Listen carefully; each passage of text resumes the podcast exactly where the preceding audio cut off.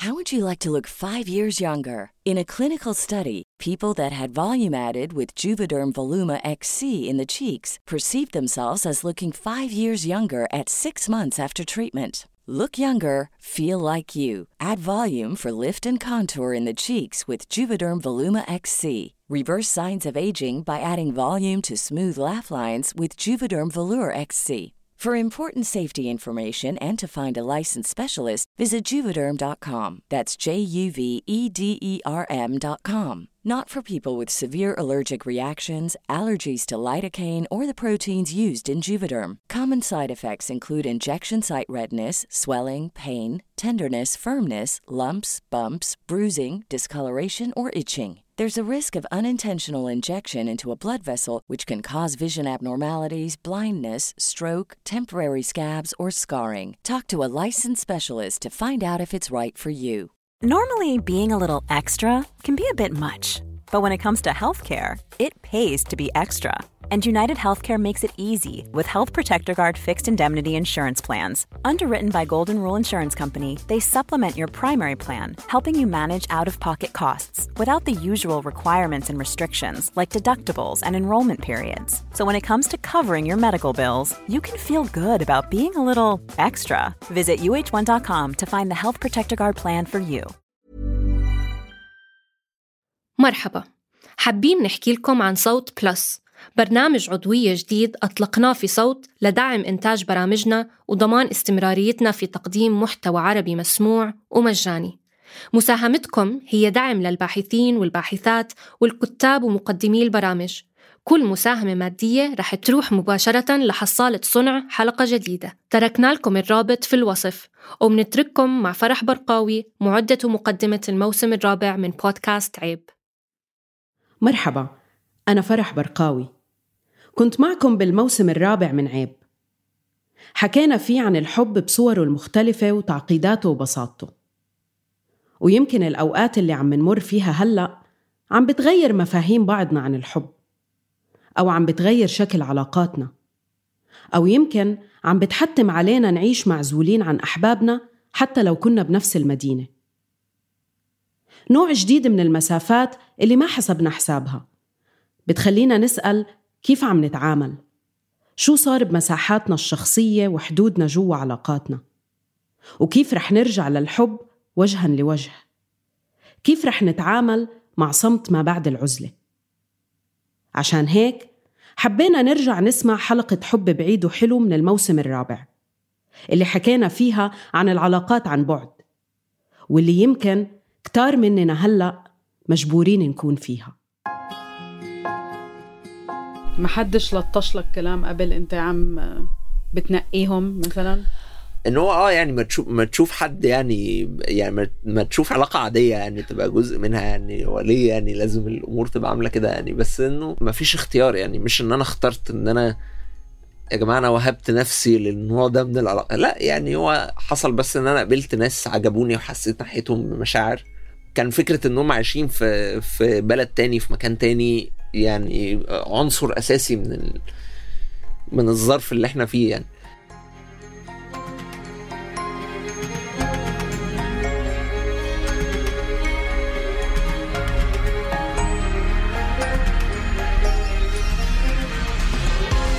مرحبا معكم فرح برقاوي وهاي هي الحلقة الثانية من الموسم الرابع من بودكاست عيب لما فكرت بهالحلقة تحديداً فكرت بعلاقتين عشتهم.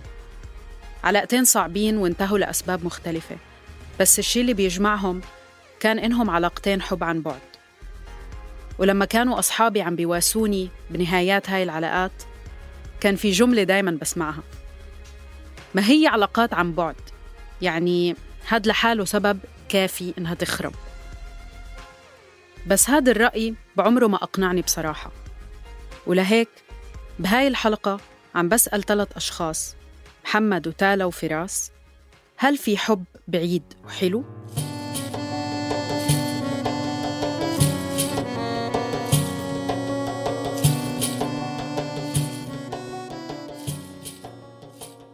في نوع من الوصم بيلاحق الناس اللي هي بتقدر تبقى في قتل بعيدة وأنا بس بشوف إن هي يعني اولا هو مش بالضرورة يبقى اختيار بس هو كمان شيء بيحتمه حاجات كتير في حياتنا يعني بيخليه اختيار طبيعي ومفهوم وببقى رافض يعني أو منزعج من من النوع ده من التعامل مع مع الشكل ده من العلاقات على إنه علاقات أدنى أو علاقات يعني مش جادة قوي بالضرورة. هذا صوت محمد. عمره 33 سنة وبيشتغل بالكتابة الأدبية والسينمائية والترجمة. حديث محمد عن الوصم اللي بيلاحق العلاقات البعيدة وإنها مش بالضرورة اختيار لأبناء جيلنا مش جاي من فراغ. بتقدروا تحكوا إنه هذا كان مثل قدر ومكتوب عليه يعني بدأ من أول علاقة رومانسية عاشها وهو بأواخر المراهقة. علاقة بدأت وعاشت وانتهت على الإنترنت. يعني أول شيء اللي هو يعني إيه رومانسي فيه قدر من, من اللي هو الرايح جاي يعني. كان كان مع بنت آه، مصرية كانت آه، عايشة في آه، في أمريكا. هي طبعا يعني علاقتها بمصر بقى مختلفة تماما عن علاقتي بمصر يعني. مصر بالنسبة لها إيه أرض الأجازة. وأنا يعني طبعا يعني علاقتي بالبلد وقتها ما كان ما كانتش شبه ده خالص يعني. بس كان في يعني حاجة محببة يعني في في إن إحنا نقعد نتكلم كده وأعرف آه، أعرف عن حياتها. آه، أنا مثلا ما كنتش فاهم خالص الجامعات في أمريكا بتمشي إزاي. فهي في الوقت اللي إحنا كنا بنتكلم فيه ده كانت قاعدة تفضل بقى بإن هي تروح تدرس إيه أو تدرس إيه أو تدرس إيه. وأنا بالنسبة لي الاخ- الاختيارات كانت بعيدة عن بعض بشكل يعني ما ما كانش مفسر لأنه يعني إيه ده؟ مفيش علمي وأدبي وكده يعني مفيش حاجات بتأهل لنوع معين من الكليات تحديدا أو كده. ف يعني الموضوع قعد ثلاث سنين. ومراسلات بقى وكلام بقى يعني غريب جدا. عمركم شفتوا بعض؟ لا عمرنا ما تقابلنا. عمرنا ما تقابلنا. من بعدها دخل محمد بعلاقات مشابهة سواء مع بنات عايشين جوا مصر أو عايشين برا. بس هاي العلاقات ضلت محدودة بالعالم الافتراضي. يعني بالنسبة لمحمد كان الإنترنت والمسافة الناتجة عنه مساحة مريحة وممتعة لبدء هاي العلاقات. يعني الأكيد إن أنا ما كنتش نوع ال- الولاد المثير للاهتمام بالنسبة لل- للبنات في اوساطنا يعني سواء في دفعتي في المدرسة أو بعد كده في الكلية. محمد كان مهتم بالقراءة والسينما على عكس كتير من زملائه المراهقين وقتها. كانوا يعني أكتر مهتمين بالرياضة أو إظهار القوة وأحياناً العنف. من هون غرف الدردشة اللي انتشرت بهديك الفترة كانت بالنسبة لمحمد عالم بياخده على عوالم تانية وهو قاعد ببيته بحي الدقي في القاهرة. وبما إنه الشيء الوحيد اللي فيك تعيشه مع شخص بيحكي معك من ورا شاشة هو إنك تتبادل معه القصص والأفكار وتصوراتك حول العالم. اكتشف محمد شوي شوي إنه أكتر شيء ممكن يجذبه لشخصية ما بشكل رومانسي هو الإعجاب بأفكارها وكيف بتعبر عن حالها وعن محيطها وعن عالمها. ومقابل هذا الإعجاب ما كان كتير عم يهتم بالمسافة أو بصعوبة اللقاء. لكن بلحظة ما صار في تحول بقصص محمد.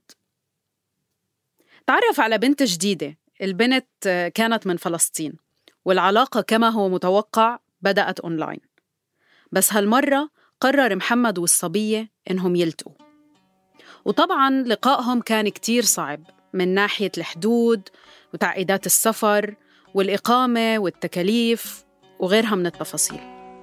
الوضع الإقليمي ما بيسمح إنه نبقى سوا.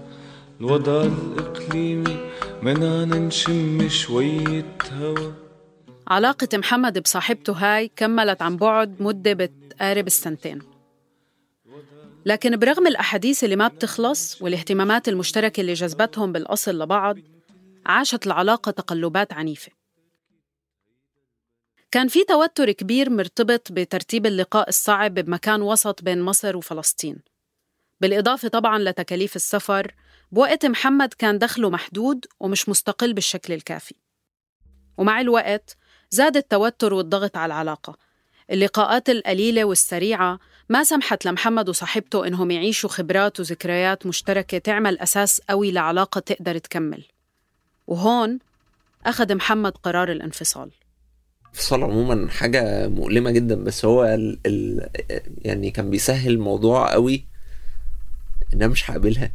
يعني الوقت اللي أنا عشت فيه مع مع آلام الانفصال ده كان وقت يعني مختصر جدا بالنسبة لل- للحاجات اللي أنا مريت بيها اللي فيها بقى احتمال إن أنت تقابل الشخص وتشوفه و... واصلا مدى تمثلك لألمه يعني مدى مدى إحساسك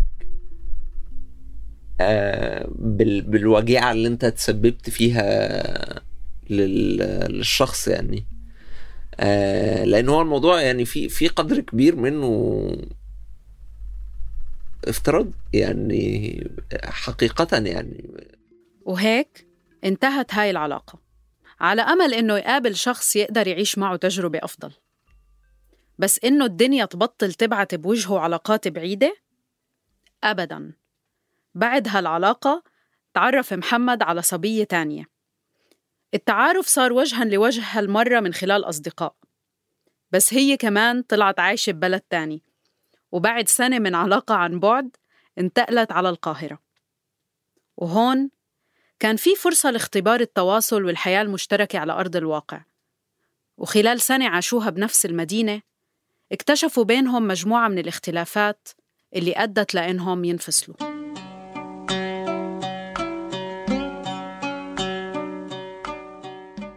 مسلسل علاقاته البعيدة إذا بيسمح لي محمد أسميه هيك ما خلص.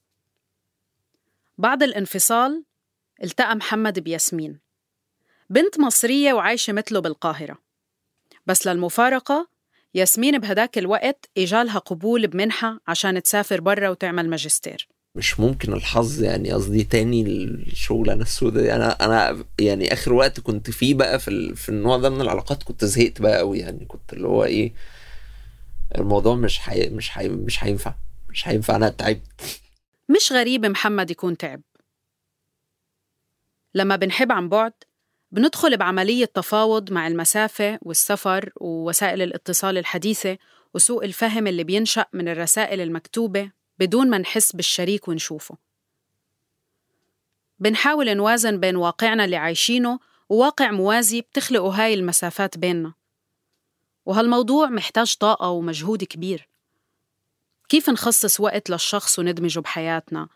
كيف نوازن بين تواجدنا الافتراضي وحياتنا اليومية بمكاننا؟ هو الموضوع محتاج محتاج طاقة يعني محتاج إن أنت تخصص وقت وتركز في تخصيص الوقت ده و... وبعدين كمان بقى في حاجة اسمها سمارت فون فأنت ممكن تتكلم في أي حتة من أي وقت يعني أي حد هيبعت لك في أي لحظة وهيشوف إن أنت شفت ولو ما ردتش حي... هيفهم إنك ما ردتش ويعني وهتبقى مطالب إن أنت ت... تقول أنت ما ردتش ليه. وبرغم كل الإحباط السابق والتعب يعني فيكو تعتبروا محمد شخص متفائل جدا. ولهيك قرر يغامر لمرة أخيرة ويدخل ياسمين على حياته. كان في تقدير كده يعني إحنا الاتنين كنا متفقين عليه إن هو يعني الموضوع شكله يعني شكله ده وقته. يعني شكله لو ما حصلش دلوقتي مش هيحصل خالص.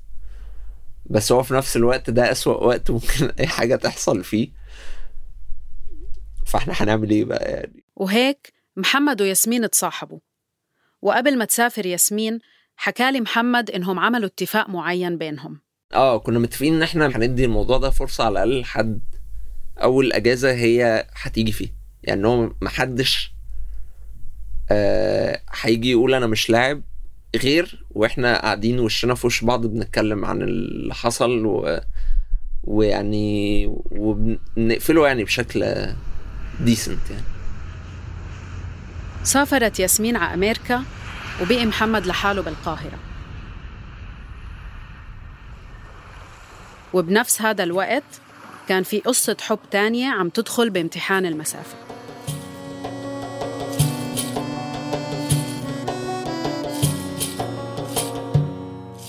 بحب أغيب وأسيب مكاني غريب. أحب أغيب وأسيب مكاني غريب. كان في علاقة طردية مع مع البعد. كل ما بعدنا عن بعض كل ما تقربنا لبعض أكتر. وهذا الإشي مع الوقت كنت خايفة منه عشان صرت أحس إنه يمكن لازم أضلني بعيدة عنه. فما كنتش عارفة إذا يعني رجعنا عشنا في نفس البلد رح نكون هالقد قراب زي ما كنا قراب لما كنا بعاد عن بعض. هاي تالا عمرها اليوم تقريبا 26 سنة. وعم تحكي لي مش بس عن علاقتها بحبيبها باسم لا كمان عن علاقتها المعقدة مع المسافة. هي من عمان وهو من القاهرة بس التقوا بلبنان وهم بيدرسوا بالجامعة. كان عمرهم 19 سنة وكانوا عايشين بجبيل ومن هناك بلشت قصة حبهم ومغامرتهم مع المسافة. بالبداية كانت علاقة شوي فيها يعني صعوبات. أنا كنت عم أمر بظرف صعب في حياتي فك... فكنت أنا نفسي مش مستقرة لا نفسيا ولا عاطفيا. يعني كتير كان في تردد من ناحيتي. بعدين شوي شوي أنا نقلت على بيروت فبعدنا عن بعض. يعني كنا عايشين بنفس المدينة صرنا بعاد عن بعض تقريبا ساعة ونص بالسيارة. واكتشفت إنه أول ما بعدت عنه صار عندي آه، شوق إني أشوفه كل أسبوع. صار في آه، علاقة مبنية على التواصل وعلى التفاهم أكتر. آه بعدين كل واحد رجع على بلده فالمسافة كمان بعدت أكتر وأكتر وصرنا نشوف بعض مرة كل تقريبا ثلاث أو أربع شهور. وبرضه آه كل ما بعدت المسافة كل ما أنا صرت حباه أكتر وكل ما كانت العلاقة تاعتنا آه مبنية على تفاهم وتواصل يعني مبني على الحكي ومبني على التفاهم. ما فينا نختلف إنه البعد صعب ومكلف. بس أوقات هذا البعد بيخلق لنا فرصة نستكشف ونكون حالنا بشكل مستقل عن شركائنا. وهالشي صعب يصير بسلاسة لو إحنا عايشين بنفس المكان وتحديداً بمجتمعاتنا وفي محيط عائلاتنا الفضولية والزنانة. ولهيك المسافة نفسها ما كانت تحدي بالنسبة لتالا بالعكس. المسافة كيف هي بتشوفها كانت سبب كبير في نمو علاقتها وإغناء إحساسها بالأمان. أنا ما حسيتها كمان مشكلة عشان إحنا كنا صغار وأنا كنت بدي حريتي وبدي مساحتي. ف حسيت إنه هذا الشيء بالعكس يعني عاد علينا بأثر آه، إيجابي أنا وياه عشان هو كمان كان صغير. فادالنا حرية إنه إحنا نكتشف حالنا أكثر إنه أنا أطور حالي مثلا بمهنتي مع آه، أصدقائي مع يعني ببلدي بشكل مستقل عني وأدينا أدينا بنتساهر وتريني وتريني مش قادر. أدينا بنتساهر وتريني مش قادر. لكن هاي الاستقلالية الصحية ما بتتولد بشكل تلقائي مع المسافة. في ناس كتير بتتحول علاقاتهم لعلاقات خانقة أكثر من لو كانوا عايشين بنفس البلد. خاصة إذا ما اشتغلوا على بناء الثقة بيناتهم. يعني أنا بعلاقتي طبعا كان في استقلالية كتير عالية. عشان كنت أنا حرة بوقتي كنت حرة بالأشخاص اللي أنا بطلع معاهم كنت حرة بتنظيم يومي. بس بنفس الوقت عشان أنا آه، يعني أستمتع بهالاستقلالية كان لابد إنه الشخص الثاني برضه آه، يكون واثق فيه. عشان أنا بعرف يعني مثلا صديقتي كانت آه، برضه بعلاقة عن بعد يعني كان يتحكم فيها عشانه مش موجود يعني بصير يعني زي كأنه لو كان موجود كان أرحم. يعني بصفي إنه يعني بده يثبت حاله إنه هو موجود عشانه مش موجود فبصير الموضوع معقد كتير أكثر لو كان هو موجود وعادي يعني شايفين بعض وجه يلي بعدك ضيع فكري ارجع لي للقلب ضمنا جنني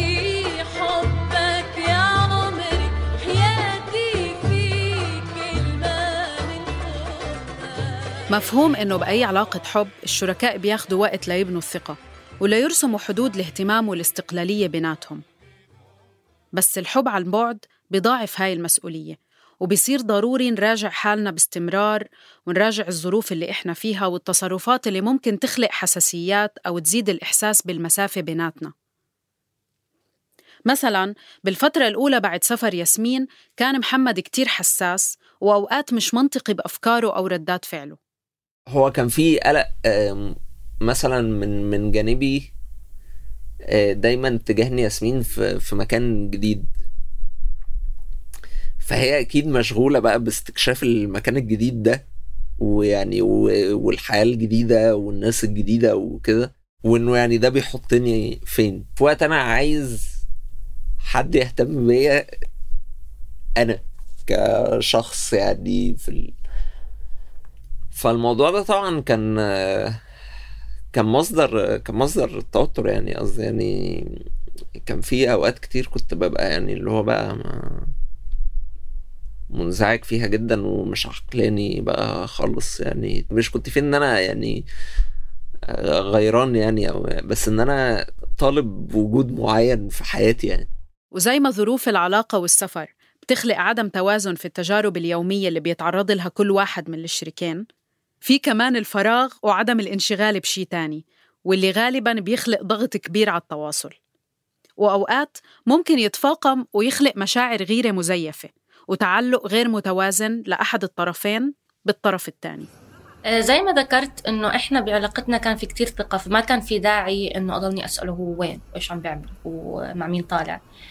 وما كنت يعني مهتمة بهاي التفاصيل صراحة. يعني أنا كنت مشغولة بحياتي كمان الفضا كتير بيفرق لما أنت تكوني فاضية أنا مرات مثلا لما يمرق علي كان أكمل أسبوع أكون فاضية وهو يكون مشغول كتير يكون في عدم توازن ويكون في مشاكل صراحة.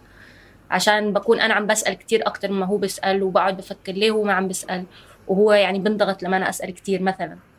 بس إذا علاقة الحب عن بعد بدها تكمل أي اثنين رح يكونوا مجبورين سواء بشكل تلقائي أو مقصود إنهم يوصلوا لتفاهمات حول كيف رح يتواصلوا وكيف رح يتشاركوا وكيف رح ياخدوا مساحتهم الخاصة بأثناء هذا البعد.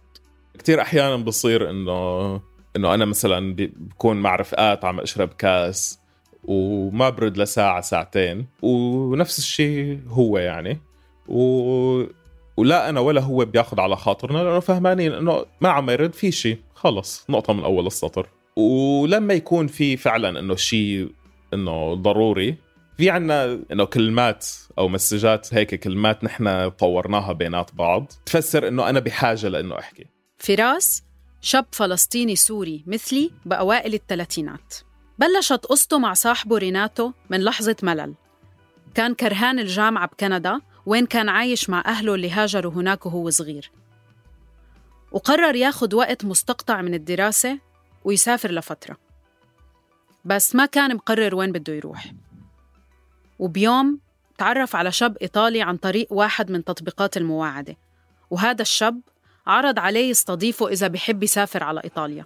فقلت لحالي أوكي يلا ليش لا؟ رحت على إيطاليا ما كذبت خبر يعني. وتعرفت على يعني قعدت أربع أسابيع بيناتهم أسبوعين عنده. وبعد ما انتهت هالفترة رجعت على الجامعة ورجعت على حياتي العادية. وبنفس الوقت هو قرر إنه يجي لعندي زيارة بعد إنه أسبوعين مما ما رجعت على كندا. هون حس فراس إنه في شيء حقيقي ممكن يتطور بينه وبين ريناتو. وما كان غلطان ابدا. يعني مش بس إنه طلب السفر والسفر اهداه علاقة بس بنفس الوقت هاي العلاقة منحته تجربة ما كان متوقعها ولا متوقع يستحملها. ريناتو ريناتو ti voglio bene هلا أول علاقتنا كان في كتير كتير غيرة. من قبلي مش من قبله. مثلا إنه نحن تعرفنا على بعض اونلاين فكنت دائما مثلا شوف ال profile تبعه اونلاين كيف تغيرت شو عم يصير فيها آه، إذا حدا تارك له هيك إذا تارك أثر على ال profile تبعه ولا شيء بس بدي دائما إنه شوف شو عم يعمل هو هو بعيد عني. هالغيرة شوي مفهومة. كون العلاقة بدأت أونلاين وعبر المسافة. وما كان في فرصة مشتركة لسه لبناء ثقة متبادلة بين فراس وشريكه.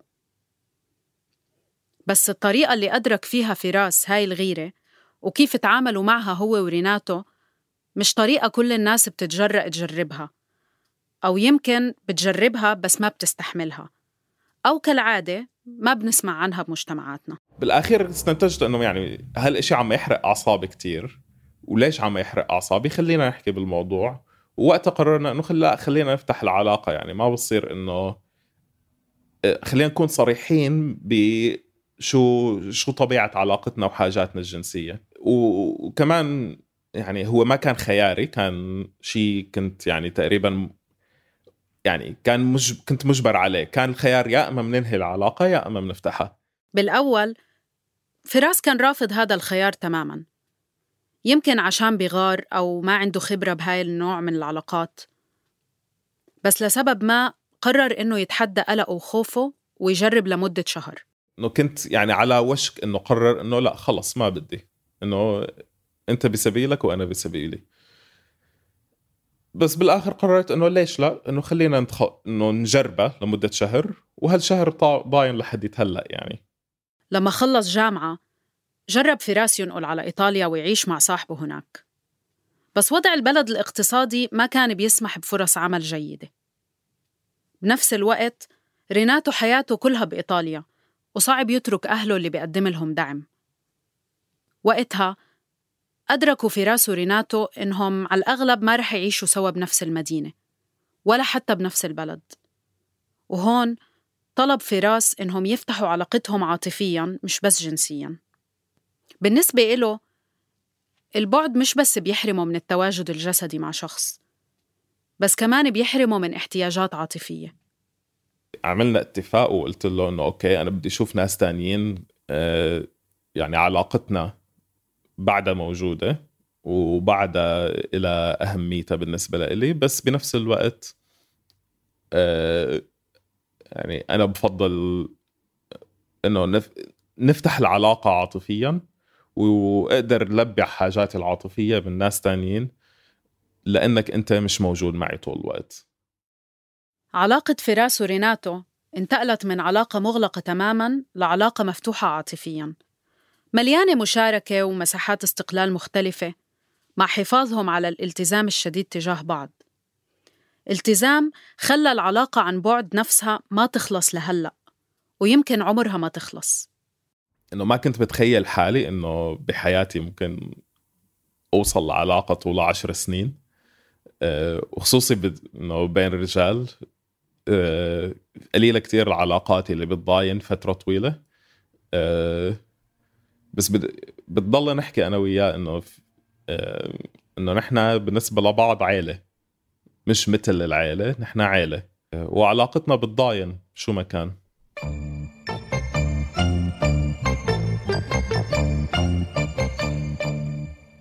بس أغلب القصص اللي بنعيشها أو بنسمعها بيكون البعد فيها عامل مؤقت. فترة بيحاول الشريكين فيها يحافظوا على العلاقة بأي شكل ممكن ليجي اليوم اللي يقدروا فيه يعيشوا بمكان واحد. وهيك صار مع محمد. برغم إنه شهور السفر الأولى كانت أكبر اختبار لعلاقته بياسمين إلا إنه أثناء أول زيارة لياسمين قدروا يحكوا ويتفاهموا على معظم اختلافاتهم. ووصلوا لتفاهمات مشتركة خلتهم يستحملوا سنة ونص كمان من البعد. لحد ما هي ترجع على القاهرة وبعدها بسنتين يتزوجوا سلامات سلامات يا حبيبنا يا بلدي سلامات سلامات سلامات يا حبيبنا يا بلدي.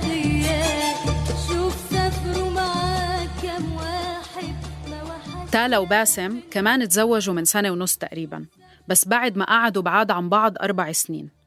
ومع إنه ظروف العلاقة بالبعد ما كانت مجهدة كتير بالنسبة إلهم التحدي الأكبر خلال علاقتهم البعيدة كان تبرير سفر تالا على مصر. لأنها امرأة ورايحة تشوف حبيبها لحالها. من ناحية كان أسهل إنه أنا أروح على مصر عشان آه، فرق العملة. أنا كتير أرخص لي أروح على مصر من ما هو يجي على الأردن. بس من ناحية أخرى كتير أسهل إنه هو يجي على عمان علشان هو الرجل.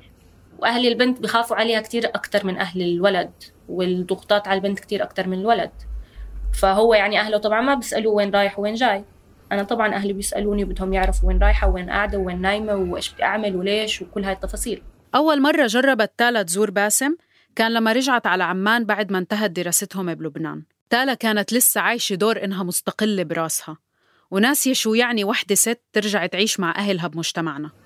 عشان كنت مستقلة يعني أو مفكرة حالي مستقلة في لبنان فرجعت ذكرت لأهلي إنه أنا رح أروح على مصر بس يعني ما أخذت تصريح منهم.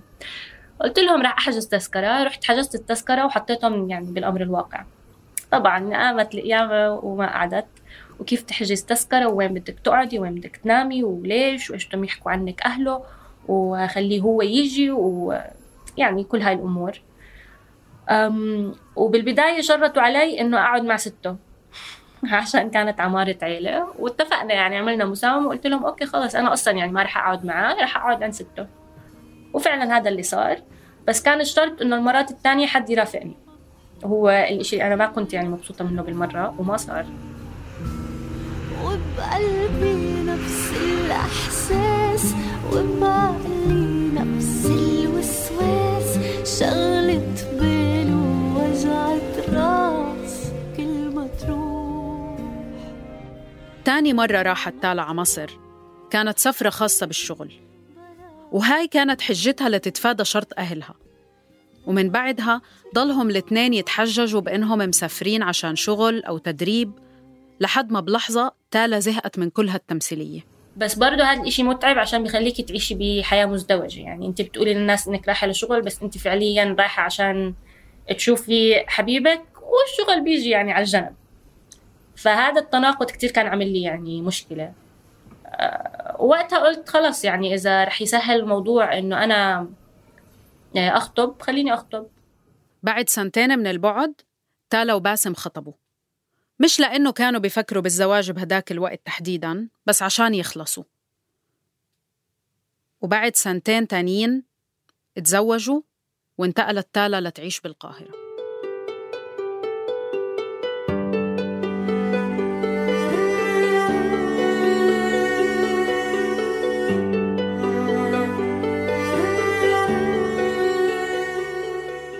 في شغلة أخيرة ما بينفع نتجاهلها لما منحكي عن الحب عن بعد. وهي فترات اللقاء المؤقتة والمسروقة من هالمسافة اللي بتفرقنا عن الحبيبة أو الحبيب. في شيء غريب بصير كل مرة بنلتقي إنه بنلتقي عموما هيك أسبوع عشرة أيام. ودائما قبل بيومين ثلاثة ما أوصل بيكون علاقتنا كتير متوترة لأنه لازم نظبط كتير لوجستيات بين بعض وأنا مش شاطر بتظبيط اللوجستيات. بعدين آه، أول ما أوصل بيكون لساته هذا التوتر مكمل. ثالث يوم بصير هيك رد بنتعود على وجود بعض بحياتنا اليومية. بضلوا هذا الشيء هيك لحديت قبل آخر يوم. آخر يوم رد بيرجع التوتر لأنه يعني نحن عم نترقب إنه رد تعودنا على بعض. رد هلأ بدنا نتعود على إنه نبعد عن بعض. فراس وصاحبه صار لهم على هالحالة عشر سنين. وحالياً فراس صار له كم سنة مستقر ببيروت وريناتو لساته عايش بإيطاليا. فراس بيسافر كتير بسبب شغله. وهالشي بيوفر لهم فرص لقاء كل ثلاث أو أربع شهور. بس بعد كل هالسنين ورغم توترات اللقاء والوداع والترتيبات فراس لخص لي هاي العلاقة وهذا الحب بأنه ريناتو هو عيلته هو عيلته اللي كانت من اختياره حتى لو عن بعد. بالإيطالي في كل في طريقتين لتقولي لا لأنه لحدا أنه أنا بحبك. ti voglio bene هي شغلة بتحكيها للناس اللي جزء من عائلتك هن صاروا. بينما ti amo هي فيها هيك شيء مشبع بالوله. إنه ف آه، فأنا وريناتو إنه تشيفوليامو بينه. فإنه أنا وياه يعني بنحب بعض بهي طريقة العيلة يلي آه، ما ما ما فيها هيك بسلطة مش محروقة مش طول الوقت إنه آه لازم نقعد لمدة ساعة نحكي على التليفون طول الوقت. بس لما آه لما نحكي خمس دقائق بكفوا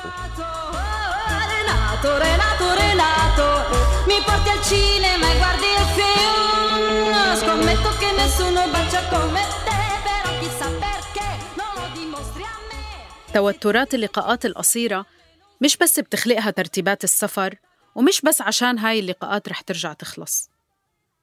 لما بنتعود على المسافة بتصير أحيانا جزء منا جزء من علاقتنا جزء من يومياتنا وبتصير أوقات أسهل من اللقاء نفسه. أكتر شي كنت أرتبك منه كنت لما أجي أزوره في مصر وأنا مش متعودة إنه أقعد كتير بالسيارة بعمان يعني المسافات كتير قريبة لبعض. بمصر يعني ممكن أقل مشوار نص ساعة. وإحنا متعودين بس نحكي مع بعض زي ما قلت لك يعني لما يكون حب عن بعد أنا بس بقدر أحكي مع ببعث له صورة ببعث له فيديو عن مثلا الطلعة اللي أنا طالعتها بس يعني يعني التواصل مبني على التواصل الشفهي خلينا نحكي. فلما كنت أجي على مصر وكنا نقعد بالسيارة يعني ساعات كنت أرتبك. أول ما يخلص الحكي كنت أحس إنه أوكي يعني ما في إشي نحكي عنه يعني إحنا مش لبعض يعني في خلل بالعلاقة عشان ما في إشي نحكي عنه. العلاقة صارت مبنية كتير على الحكي لدرجة إنه لما بطل في حكي صرت أخاف. بس بعدين اكتشفت إنه هذا إشي كتير طبيعي. وبالعكس يعني بلشت أحاول أستمتع بهذا الهدوء أو بهذا الملل إذا بقدر أحكي اللي هو يعني مش ضروري دائما يكون في اكشن يكون في إشي نحكي لبعض عادي. صعب نختصر الحب عن بعد لأنه بطبيعته في مسافة والمسافة بتخلق عوالم وتجارب وقصص ما بنقدر نتجاهلها. كيف بنحكي؟ كيف بنحل المشاكل؟ كيف بنقضي وقتنا لحالنا؟ وكيف بنشرك اللي بنحبها أو اللي بنحبه ببعض التفاصيل وكيف ما بنقول لهم عن بعض التفاصيل وبالآخر لوين بدنا نروح؟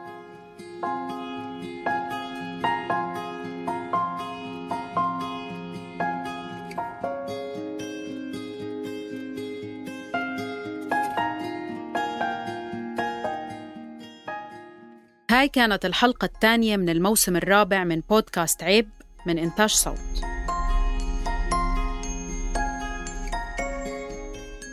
وصحيح الحب عن بعد بشكله المجرد لا هو محرم ولا هو عيب. بس الحيل اللي بنلجأ لها والخيارات اللي بناخدها وإحنا بعلاقات عن بعد هي اللي لسه جزء كبير من المجتمع ما بيحكي فيها بيطنشها وأوقات بيعتبرها عيب. غيرنا أسماء بعض الأشخاص بهالحلقة بناء على طلبهم. إذا بدكم تعرفوا أكثر عن الأغاني والموسيقى اللي طلعت معنا بالحلقة بتلاقوا معلوماتها بالوصف المرافق. هاي الحلقة كانت من إعدادي وتقديمي أنا فرح برقاوي. مونتاج تيسير قباني وتحرير صابرين طه. شارك في إنتاج الموسم الرابع من بودكاست عيب كل من آية علي ومرام النبالي وجنى قزاز.